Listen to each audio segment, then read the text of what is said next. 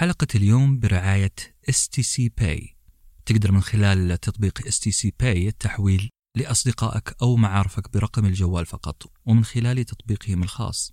بإمكانك أيضا من خلال التطبيق دفع المشتريات التحويل المحلي والدولي.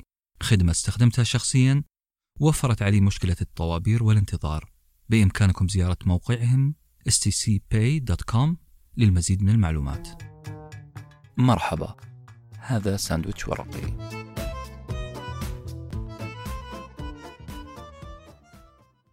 The Power of Now. قوة الآن.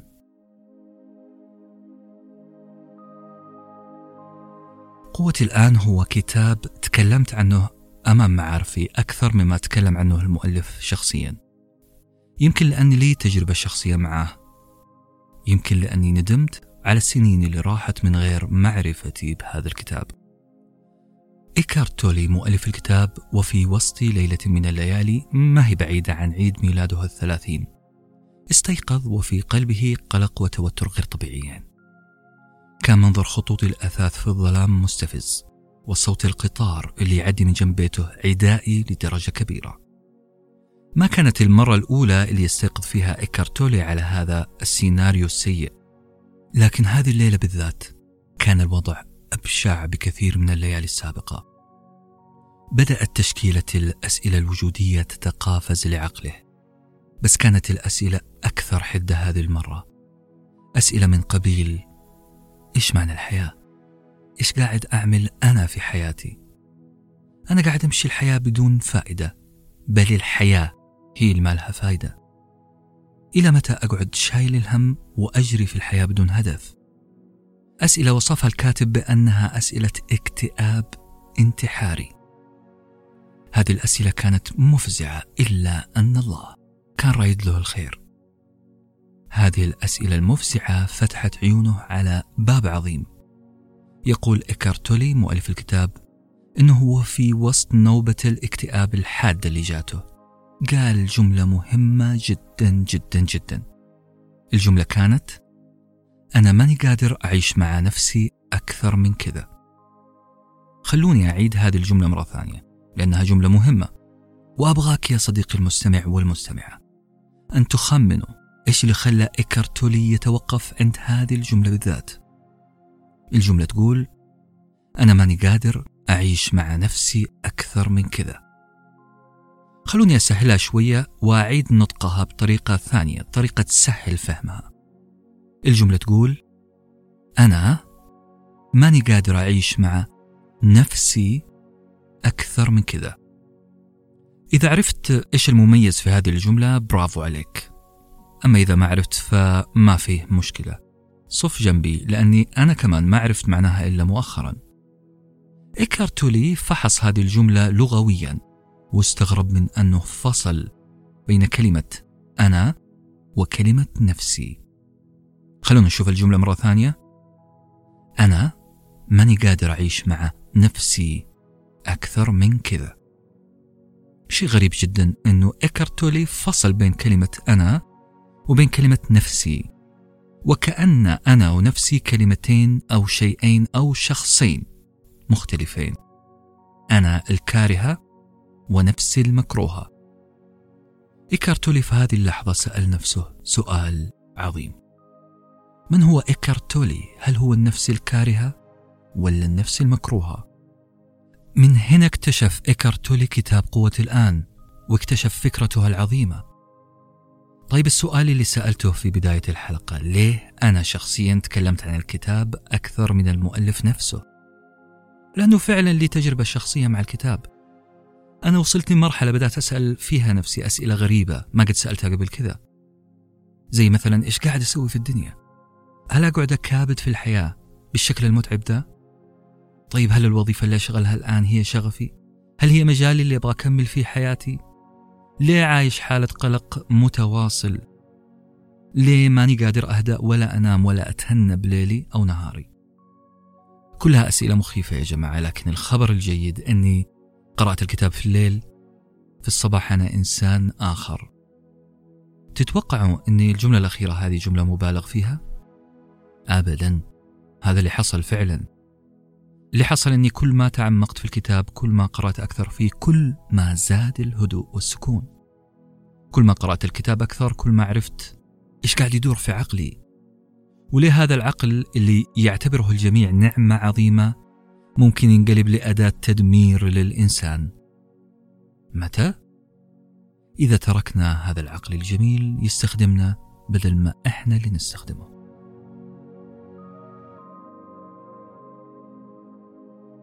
كتاب قوة الآن قالت عنه أوبرا وينفري إنها تحتفظ بأكثر من نسخة منه في أكثر من مكان في بيتها وإنها لو حبت أي شخص راح تهدي هذا الكتاب. هذا الكتاب اللي ما حتستمتع فيه بدون ما تعيشه. نعم آه، لا تكفي مجرد قراءة قوة الآن بل هو كتاب كتب ليعاش. هذا الكتاب المليان مفاهيم مجردة تحتاج شرح وتفصيل. كتاب يحولك لكائن سعيد يعيش اللحظة. كتاب يخليك تستمتع بالحوار مع غيرك من غير تجهيز حجة مضادة للرد عليه. بالعربي ومن الآخر. هذا الكتاب راح تعيشه أكثر مما تقرأه.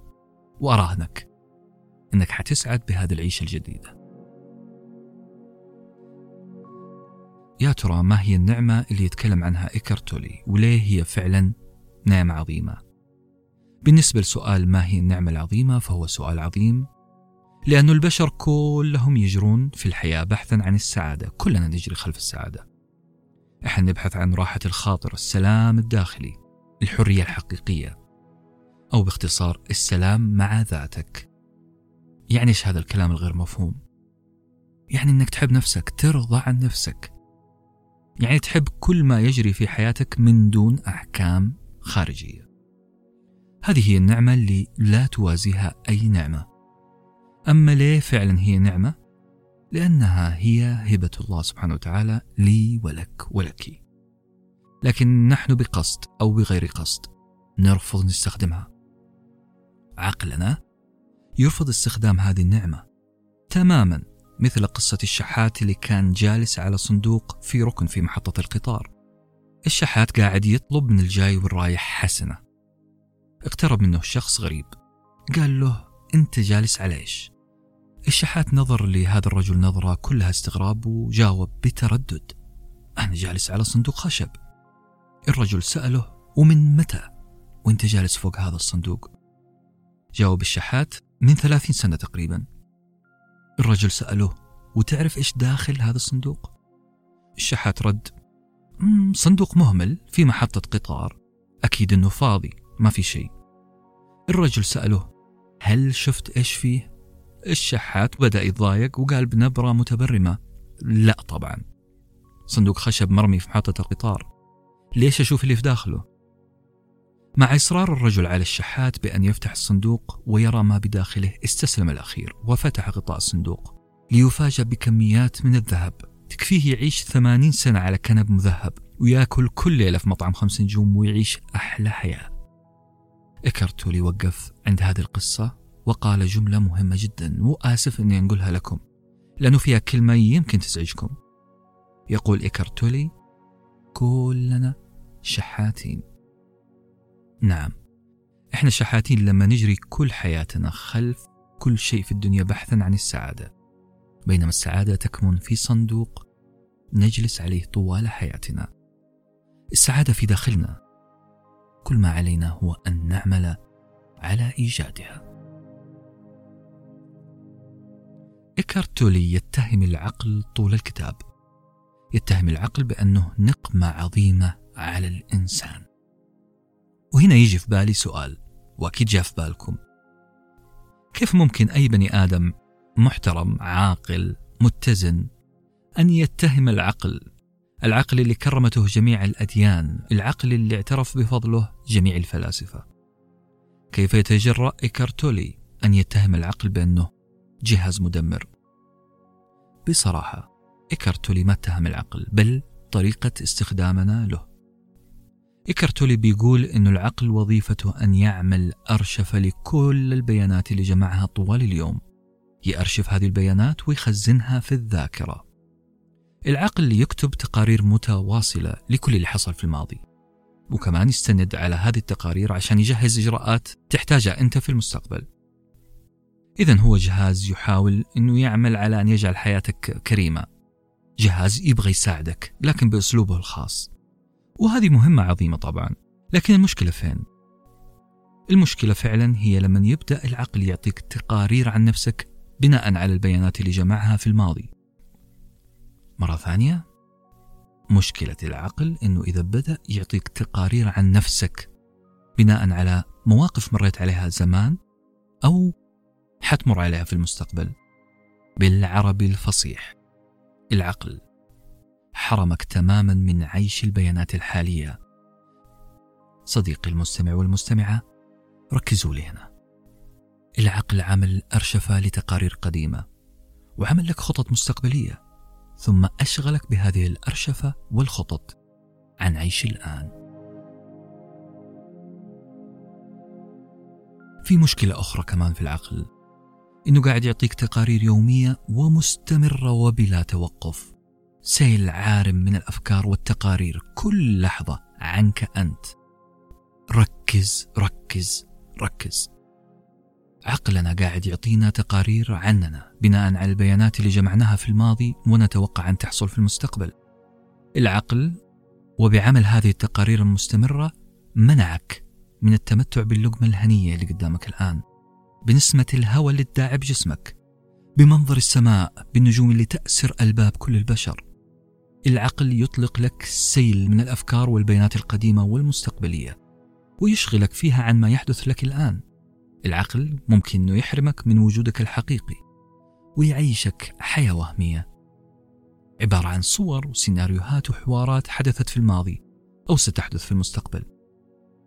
إلا أن الأخطر والأسوأ والأعنف في الموضوع. بأنه كلنا نعيش هذا الوهم وتاركنا الحقيقة وهي الآن. لدرجة أن الحياة في الماضي والمستقبل بدأنا نعتبرها الشيء الطبيعي بدأنا نعتبرها الوجود. بالتالي عقلنا هو أداة ممكن أن تقاوم بشدة أن نحيا الآن.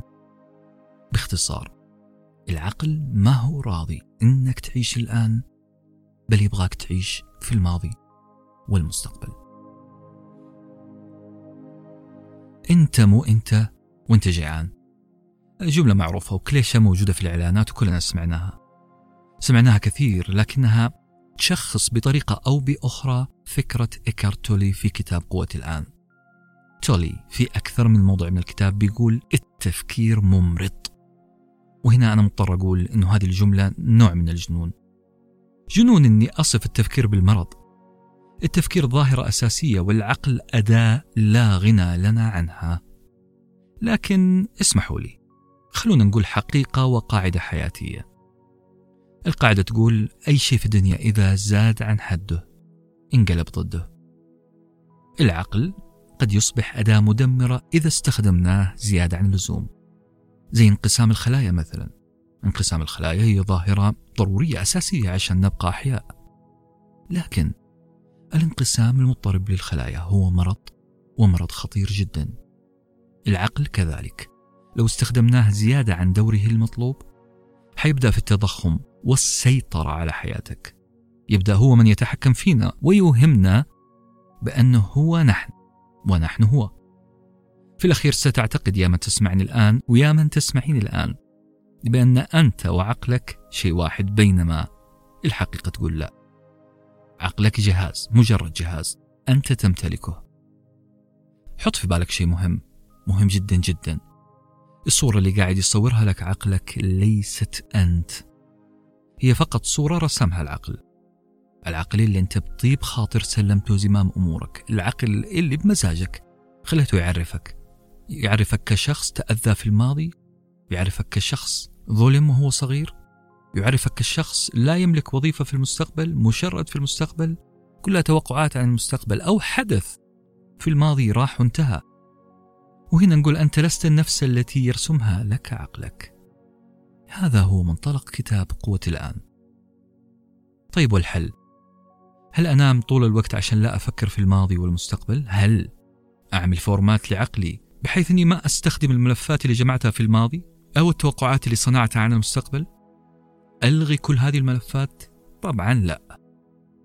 بلاش نفكر بطريقة الأبيض والأسود إما تفكير مستمر لا يتوقف أو عدم تفكير. في حل في النص وهو التحكم في سيل الأفكار القسرية اللي تدور في راسك. وكلمة قسرية هذه كلمة موجعة. أفكار قسرية يعني أنت تتصرف بلا إرادة. الفكرة تدور في راسك غصب عنك. هذه المشكلة. نبغى نوصل لمرحلة أنك تفكر وقت ما تحب ثم توقف التفكير وقت ما تحب. بالعربي أن تتحكم في الأفكار القسرية اللي معظمها أفكار سلبية وتشاؤمية ولوم مستمر في نفسك وحياتك وظروفك. لذلك أول خطوة ممكن تعملها عشان تبدأ حياة الآن هو الإيمان بأنه في حوارات فعلا في راسك الآن. سيل من الحوارات بالأصح سيل هادر ومزعج. أفكار قاعدة تدور في راسك 24 ساعة. أول خطوة تعملها هي التعرف على هذه الأصوات الوعي بها. المختلين عقليا. شفاهم الله. بيسمعوا أصوات في رأسهم. أفكار بيتكلموا معها بصوت عالي. والشخص السليم برضه بيسمع أصوات في رأسه وبيتكلم معها لكن من غير ما يرفع صوته. شايفين الفرق؟ كلنا عندنا أفكار قسرية وبنتعاطى معها. الفرق الوحيد أننا قادرين على ألا نرفع أصواتنا بهذه الأفكار بهذه الحوارات. دليل وجود هذه الحوارات أنه ممكن ضغطك يرتفع فجأة من غير ما تفتح فمك. نبضاتك تزيد تعرقك يزيد مودك يتكهرب بدون ما تقول ولا كلمة. وليه هذا كله؟ لأنه في حوار شغال الآن في راسك وأنت مشارك فيه بدون ما تستمع إلى صوتك. هذا الفرق بين الشخص الطبيعي والشخص المختل. إحنا ما نبغى نكون مختلين ولا حتى طبيعيين. إحنا نبغى نوصل لدرجة الإنسان العظيم والسعيد. الإنسان المطمئن الإنسان اللي يسمع أصوات في عقله ويشاهدها كحوار وينتبه لها. شخص يسمع الحوارات بدون ما ينفعل معها يشاهدها من بعيد ويوقفها. بالعربي أنا أبغى أتحول إلى شخص يشوف الحوار كمشاهد محايد. أبغى أشوف عقلي كيف قاعد يستعرض الموقف السيء اللي حصل لي في الصباح. مجرد مشاهدة. أنت عزيزي المستمع تحتاج تشوف كيف عقلك قاعد يصور لك نفسك مع زميلك في حوار ساخن دار بينكم الصباح. تحتاج كذلك أنك ما تطلق أحكام على هذا الموقف السيء. لازم تكون محايد. لا تحكم لنفسك ولا لصديقك. يجب أن تكون مجرد مشاهد يستمتع بهذا الحوار. هذا التكنيك مشاهدة حوارات العقل سماه إيكارتولي ب Watching the Thinker أو مشاهدة العقل المفكر. خلينا نفصل فيه شوية. لما تبدأ ترى كيف عقلك قاعد يعمل لك مشهد حزين حصل لك في الماضي هذا المشهد أنت موجود فيه أنت بطل من أبطاله. إذا قعدت تشاهد هذا المشهد أنت فصلت نفسك عن السيناريو أنت ابتعدت عن القصة أنت قاعد تتفرج فقط كمشاهد. وحنزيد نفصل في تكنيك watching the thinker أكثر وأكثر. حلقة اليوم برعاية STC Pay. تقدر من خلال تطبيق STC Pay التحويل لأصدقائك أو معارفك برقم الجوال فقط ومن خلال تطبيقهم الخاص. بإمكانك أيضا من خلال التطبيق دفع المشتريات التحويل المحلي والدولي. خدمة استخدمتها شخصيا وفرت علي مشكلة الطوابير والانتظار. بإمكانكم زيارة موقعهم stcpay.com للمزيد من المعلومات. يعتقد بعض الناس أن الألم والمعاناة جزء من الإنسان. الألم والمعاناة جزء رئيسي من حياة الإنسان. بل يعتقدون أن الإنسان خلق في معاناة متواصلة وهذا هو قدره الحتمي. الحقيقة شيء ثاني. الحقيقة تقول أن الإنسان هو من يخلق معاناته بنفسه. الألم يأتي لأن الإنسان قاعد يقاوم أنه يعيش اللحظة الجميلة الهادئة اللي هي الآن. الإنسان يصر على العيش في أحزان الماضي ومخاوف المستقبل. طيب خلونا نبسط الأمور شوية ونتخيل. تخيلوا أن الكرة الأرضية ما فيها بشر فيها فقط نباتات وحيوانات. هل هل حيكون في شيء اسمه ماضي ومستقبل؟ إيش رأيكم؟ هل الحيوانات والنباتات حتخلق شيء اسمه ماضي ومستقبل عشان تقلق نفسها فيه؟ هل سبق ووجدت نسر يعاني من أرق؟ أو شجرة بلوط حزينة عشان طفولتها تعيسة؟ مستحيل الكون كله سعيد بالحياة داخل هذا الوجود اللحظي كل الكائنات بتستمتع في كل ثانية في حياتها بدون مخاوف أو أحزان فقط الإنسان هو الكائن الوحيد اللي يصر على العيش في خط الماضي والمستقبل ومن خلال هذا العيش في خط الزمن يستجر تعاساته ومخاوفه صديقي المستمع والمستمعة نفترض جدلا أنك تعرف لغة النباتات والحيوانات وسألت شجرة البلوط أو النسر كم الساعة معك الآن؟ كم الوقت الآن؟ جواب النسر والشجرة راح يكون بسيط حيطالع النسر يمين ويسار والشجرة تنظر لك ببلاهة شديدة وتقول لك الوقت؟ طبعا الآن. هذا هو جوابهم لأنه لا يوجد لديهم شيء اسمه أمس وبكرة الكون كله متحرر من معضلة الزمن اللي خلقها الإنسان. الإنسان هو الوحيد اللي قالق نفسه عمال على بطال بالزمن وبالوقت. لكن أنا مضطر أقول جملة مهمة الآن قبل ما تعترضون علي الحل مو أننا نتوقف عن التفكير في الزمن والوقت. لا لا لا. مو صح أننا نلغي إحساسنا كليا بالزمن. الحل هو أنك تستخدم الوقت أو الزمن لفائدة عملية فقط. بعد ما تستخدم الزمن لفائدة عملية نقفل هذا الملف تماما. اقفل هذا الملف وتأكد أنه كل ما تمتلكه هو اللحظة الحالية فقط. الآن. نحن نعتقد بأنهم مجانين. هذه عبارة من قصة رواها عالم النفس السويسري كارل يونغ. عالم النفس السويسري كان له حوار لطيف مع أحد زعماء الهنود الحمر وسألوا عن رأيه في ذوي الوجوه البيضاء. طبعا يقصد فيها الأمريكان من أصل أوروبي. رد عليه زعيم القبيلة بمرد غريب شوية قال إنه يستغرب من وجوه الأوروبيين الشاحبة. يستغرب من عيونهم المبحلقة في كل شيء. يستغرب من أنفسهم الغير راضية والغير مطمئنة. أكمل زعيم القبيلة قائلا إنهم يعيشون حياة بلا راحة إنهم لا يعلمون ما يريدون. نعم نحن نعتقد أنهم مجانين.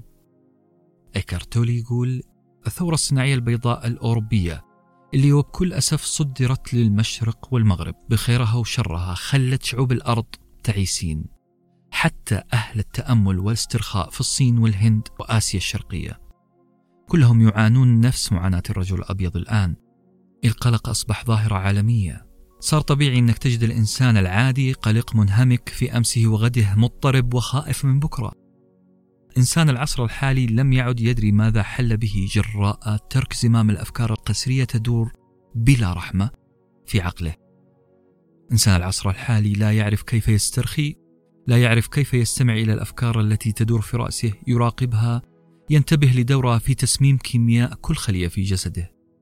وعشان كذا نقول كتاب قوة الآن هو حل جذري لمشكلة إنسان العصر الحديث. باختصار ما هي قوة الآن؟ قوة الآن تقول كل ما ركزت في الماضي كل ما شعللته وقويته. وكل ما ركزت على المستقبل كل ما شعللته وقويته. المشكلة الحقيقية أنك كلما ركزت على الاثنين الماضي والمستقبل كلما خلقت صورة لنفسك بناء على ما كان وما سيكون. هذه الصورة اللي خلقها لك العقل لا تمثل من أنت الآن. هذا الجسد والروح اللي تستمتع بالاستماع إلى البودكاست. الآن اللي أعضائها قاعدة تعمل بطريقة أوتوماتيكية متناسقة. أنت وبدون قوة الآن محروم من الالتفات إلى هذا الكون المتسق بطريقة تفوق قدرتك على التخيل. لما تركز في حياتك الآن لما تعود إلى الآن أنت حتستمتع بقطرات المطر اللي تهملها عادة. أنت ستتلذذ بشعاع الشمس اللي قاعد يتفلتر من شباك غرفتك. أنت راح تهتز طربا. مع الشجرة المتراقصة في الشارع المقابل لك حتستمتع بملمس الأثاث وعملية دخول الأكسجين وخروجه من رئتيك. راح تنبسط بالحياة التي تنبض من قلبك والحيوية التي تتفجر في يدينك ورجليك.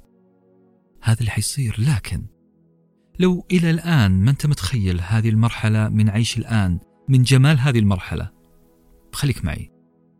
أباك ترجع وتتذكر إحساسك عندما سمعت أغنية جميلة وقلت الله. في تلك اللحظة أنت عشت الآن. أنت نسيت الماضي والمستقبل. أنت انسجمتي تمام الانسجام مع واقعك الحالي. تخيلوا أننا نمتلك نقطة السعادة لهذه اللحظة لحظة انسجامنا مع أغنية. لو نقدر نرجع لنقطة الاستعادة هذه كيف حتكون حياتنا؟ هذه نقطة قوة الكتاب أنه يخلق لك نقاط استعادة للعودة إلى الآن للعودة إلى الانسجام في اللحظة الحالية. نقطة العودة إلى الآن هي الهدف العملي لهذا الكتاب. قوة الآن يا جماعة ما هو تنويم إيحائي؟ ولا استرخاء مؤقت بل حياة متواصلة لكل لحظة في حياتك. أنت كذلك حتستمتع وأنت تحكي تجربتك مع الكتاب وصدقني أنك حتقول نفس جملتي أنك تحدثت عن الكتاب أكثر مما تحدث عنه المؤلف شخصيا. الآن أو اللحظة الحالية هي مادة زئبقية. كل ما حاولت تمسكها كل ما تفلتت من بين يديك. طبعا صعب الإمساك بالزئبق كما هو صعب الإمساك بالآن. صعب على الشخص اللي حاول مرة أو اثنين بس ويأس. أما اللي ناوي فعلا الوصول لنقطة الآن لازم ياخذها حبة حبة. إكارتولي قدم لنا تكنيكات ونصائح عملية. من شأن هذه التكنيكات أنها تكسر الموديلات والنماذج اللي عقلك يستخدمها عشان يقاوم العودة للآن. خليني أشرح شوي هذه النقطة. العقل. لأنه نظامه منطقي جدا فمن عاداته أنه يقاوم أنه يفكر في الآن. ليه؟ لأنه ما يهمه الآن. العقل صنع نماذج ثابتة للتحليل والاستنتاج. نماذج تفكير تحلل ما حصل في الماضي وتستنتج ما سيحصل في المستقبل. لذلك العقل يرفض الآن. لكن تكنيكات قوة الآن حتخليك تفك شفرة هذا العقل المصمت. حتخليك تكسر النماذج التحليلية والاستنتاجية وبالتالي ستتوقف عن العودة للماضي والمستقبل بلا إرادة. هذه التكنيكات حتساعدك تخرج نفسك من دائرة الزمن قدر الإمكان. نعم هذه هي المصطلحات المجردة اللي استخدمها الكتاب. دائرة الزمن. الكتاب استخدم مصطلحين مهمين الزمن واللا زمن time الزمن. timeless اللا زمن حنشرح الآن المصطلحين ذي لكن قبلها نقول إيكارتولي سمى هذه التكنيكات أكثر من اسم. سماها مثلا مراقبة العقل المفكر. قلناها قبل شوية watching the thinker. سماه كمان اكتشاف لعبة العقل لأنه العقل بيلعب علينا. وسماه كمان اسم جميل جدا. الاسم هو تخطي عالم الزمن. حنشرح المصطلحات هذه الآن. في قاعدة تقول التفاعل مع العقل مع نقاشات العقل حيخلق لك عالم الزمن. time إحنا ما نبغى عالم الزمن. لذلك سنتجه إلى حاجة ثانية اسمها اللا زمن timeless إحنا حننتقل من time الزمن إلى ال timeless اللا زمن عن طريق مراقبة العقل وأفكاره ونقاشاته. التفاعل مع العقل يدخلك عالم الزمن أما مراقبة العقل فهي تدخلك عالم اللازمن ومن هذه الجملة نقدر نقول أنه في فرق كبير بين التفاعل وبين المراقبة. بالضبط كأنك عايش في شقة وفيه جدل في هذه الشقة بين زميلين. الحالة الأولى أنك تتفاعل مع هذا الجدل والحالة الثانية أنك تراقب هذا الجدل من بعيد. الحالة الأولى إذا تفاعلت وتناقشت مع زملائك أنت راح تحرق دمك راح تزعل وتزعل. أما الحالة الثانية وهي مراقبة هذا الجدل أنت بعيد أنت قاعد تتفرج على مشهد أمامك. بل ممكن تبتسم كمان على تفاهة النقاش. إحنا نبغى نوصل للحالة الثانية. أن تراقب وتشاهد أفكارك بدون التفاعل معها أو بالعربي. الكتاب يبغاك تدخل عالم اللازمن كيف نقدر نراقب أفكارنا؟ هذا السؤال المنطقي الآن. كيف نقدر نراقب أفكارنا بدون أن نتفاعل معها؟ إيكارتولي يقول ابدأ بمراقبة شيء مهم يدور في عقلك الآن. راقب كيف هذا العقل الذكي عنده ميل ونزعة مخيفة وقوية للهرب من الآن. حتلاحظ بمجرد جلوسك مع نفسك في غرفة مظلمة هادئة ساكت تماما محاولا أن تستكن. لو حاولت تعمل هذا الشيء لاحظ أنه عقلك حيبدأ يلخبط عليك هدوءك. بأنه يستدعي صورة في الماضي أو صورة في المستقبل. ما حصلت حتى الآن؟ هذه الصورة تحاول تخرب عليك تملأك بالقلق. إذا الخطوة رقم واحد عشان تكتشف كيف العقل ذكي ويمرر عليك صور ويصنع لك سيناريوهات. اجلس هادئ مع نفسك. راقب كيف إنه الأفكار راح تدافع بعنف لذهنك كلها. يا شيء حصل يا شيء سيحصل. إيكارتولي يقول الخطوة رقم واحد عشان تمسك بهذا الزئبق المسمى بالآن أن تجلس وتعي بهذه الأفكار المتدافعة. لا تتفاعل معها بل انتبه لها فقط. راقبها. خلينا نقتبس جملة جميلة جدا قالها إيكارتولي جملة تريح الخاطر جدا يقول اللحظة اللي تكتشف فيها أنه عقلك قاعد يمرر لك صور من الماضي والمستقبل هي لحظة وعي هي لحظة اصطياد للأفكار هي أول لحظات الآن. اللحظة اللي تنتبه فيها أنه العقل حاول يعيشك هناك في خط الزمن في الماضي والمستقبل هي لحظة الوعي بالآن أنك انتبهت لأفكارك. والأهم صديقي المستمع والمستمعة لا تحكم على هذه الأفكار اللي تدور في راسك بالجودة أو السوء. لا توقفها. لا تفندها ولا تحللها. ليه؟ لأنك لو بدأت تحكم وتدافع وتناقش هذه الأفكار اللي في عقلك حتصير أنت جزء من السيناريو جزء من نص الفيلم. راح تكون أكلت الطعم وتفاعلت مع عقلك في حوار لن ينتهي. لذلك خطوة رقم واحد راقب الحوارات بلا تفاعل أو أحكام. خليني أعمل نموذج سريع لهذا التكنيك تكنيك مراقبة الأفكار. الآن أنا جالس في الاستديو جالس لحالي تماما. الغرفة هادئة تهويتها جيدة الجوال على الصامت راح أغمض عيني لمدة دقيقة واحدة. أحاول خلالها أني ما أفكر في شيء أبدا. إذا سمعتم صوت الجرس هذا حتعرفوا أني بدأت جلسة السكون. خلوني أشوف هل أقدر أستحمل هذه الدقيقة بدون أفكار أو لا. خلونا نبدأ.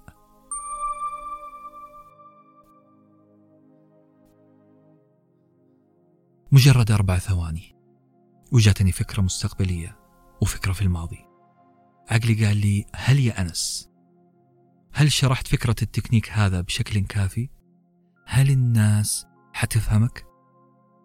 بعدها على طول قلت لنفسي لازم أسمع هذا المقطع لأحد أقاربي وأستشيره هل كان أدائي ممتاز أو لا ملاحظين أنه مجرد أربع ثواني ما قدرت إلا أن أنصاع فيها لعقلي المحلل وبدأت أفكر في تسجيلي في الماضي وبدأت أفكر في المستقبل وفي ردة فعل الناس أربع ثواني سحبني عقلي للتفكير وحرمني من السكون. ملاحظين كيف العقل خلاني أتفاعل مع الأفكار وشتتني عن لحظة السكون اللي مفروض أعيش فيها؟ الخبر الجيد أني قدرت أصيد هذه الأفكار الآن. انتبهت. إني قاعد أفكر في الماضي والمستقبل. عرفت لعبة العقل. أنا شاهدت عقلي وانتبهت لتشتيته للحظتي الحالية. بلا صح. لما تراقب عقلك. زي ما عملت أنا. لما تراقب عقلك مراقبة جيدة وتصيد الأفكار المتسللة اللي ناوية تخرب عليك اللحظة. هذا لوحده مؤشر قوي أنك بدأت تعي بما يحصل الآن. باختصار صيد الفكرة راقبها اسمعها وابتسم.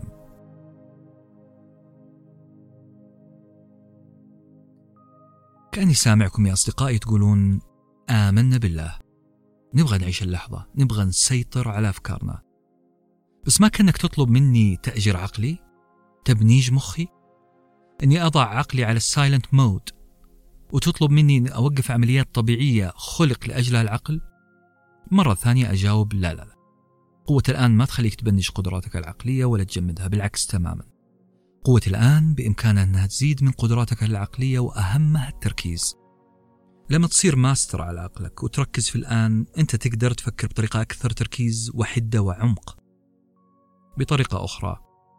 اللي أتقن قوة الآن حيستخدم الزمن العملي وراح يحرر نفسه من الزمن النفسي وهذا مصطلح جديد. مصطلح مجرد يحتاج لشرح. الزمن العملي practical time هو الزمن اللي إحنا نعمله في جدولنا اليومي. يعني الساعة خمسة عندي لقاء مع X أو عندي عشاء الساعة 11 مع Y ولازم أرجع البيت عشان أقابل A B C وأشتغل على ملف مهم بكرة الساعة 6 الصباح. ملاحظين الأوقات هذه؟ أنا هنا عايش وفاهم ومخطط للساعة الحقيقية والزمن العملي. مواعيد أحتاج أن أنجز فيها أشياء. لكن وحطوا لي ثلاث خطوط. لا لا أربع خطوط خمسة تحت لكن. لكن لما تستخدم الزمن لإعادة تعريف نفسك إنك تستعرض مواقف سابقة حصلت لك ومواقف مستقبلية تتوقع أنها ستحصل لك. هنا أنت قاعد تستخدم الزمن النفسي وهذه المشكلة. الزمن العملي مطلوب جدا عشان تنجز مهامك بينما الزمن النفسي مضر وممرض. تخلص من الزمن النفسي. إذا حطيت لنفسك هدف في المستقبل واشتغلت عليه وحددت له ديدلاين ممتاز. أنت عارف بالضبط الزمن المستقبلي المطلوب والإجراءات اللي حددتها سابقا. انتهيت؟ أنجزت مهامك؟ أغلق الملف. وأغلق معه الزمن النفسي. لعد تستعيد ما كان وما سيكون. ليش مصرين على فكرة إغلاق ملف الماضي والمستقبل؟ لأنه أنا كإنسان طموح أنت كإنسانة شغوفة أنت كرجل عملي. إحنا عادة مهووسون بالأهداف. أنا مهووس بالهدف وصارت حياتي هي الهدف. هذه مشكلة. ليش مشكلة؟ لأني راح أعيش المستقبل وأنسى الآن.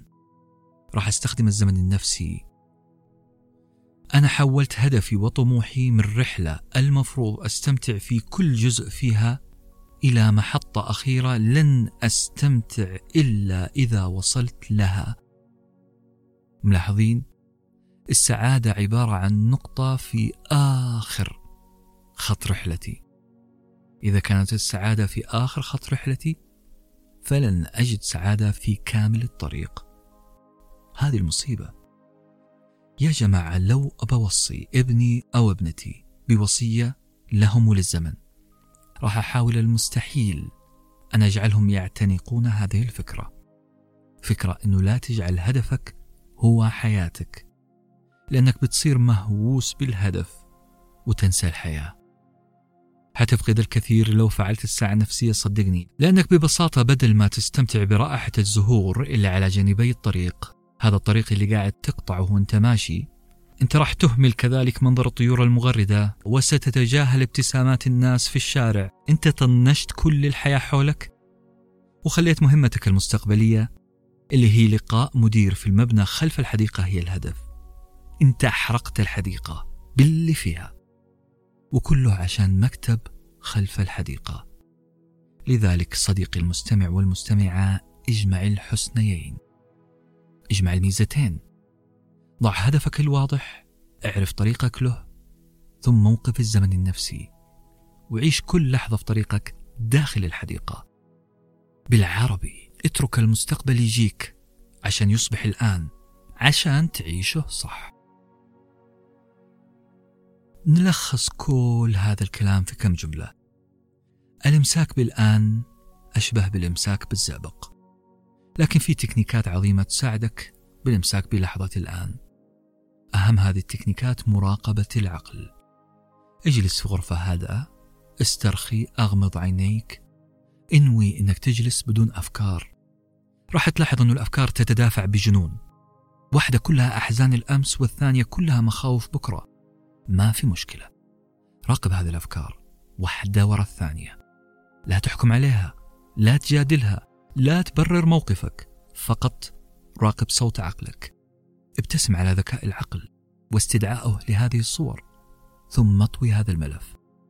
اللحظة اللي تكتشف فيها أنه عقلك قاعد يدبر لك حوار جديد هي أول لحظات الآن الحقيقية. وفي النهاية نقول تحرر من عقلك المفكر وعيش الآن في حفظ الله. كنتم مع ساندويتش ورقي وجبة معرفية نتشارك لذتها.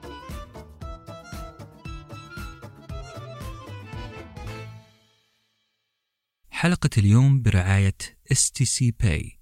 تقدر من خلال تطبيق STC Pay التحويل لأصدقائك أو معارفك برقم الجوال فقط ومن خلال تطبيقهم الخاص. بإمكانك أيضا من خلال التطبيق دفع المشتريات التحويل المحلي والدولي. خدمة استخدمتها شخصيا وفرت علي مشكلة الطوابير والانتظار. بإمكانكم زيارة موقعهم stcpay.com للمزيد من المعلومات.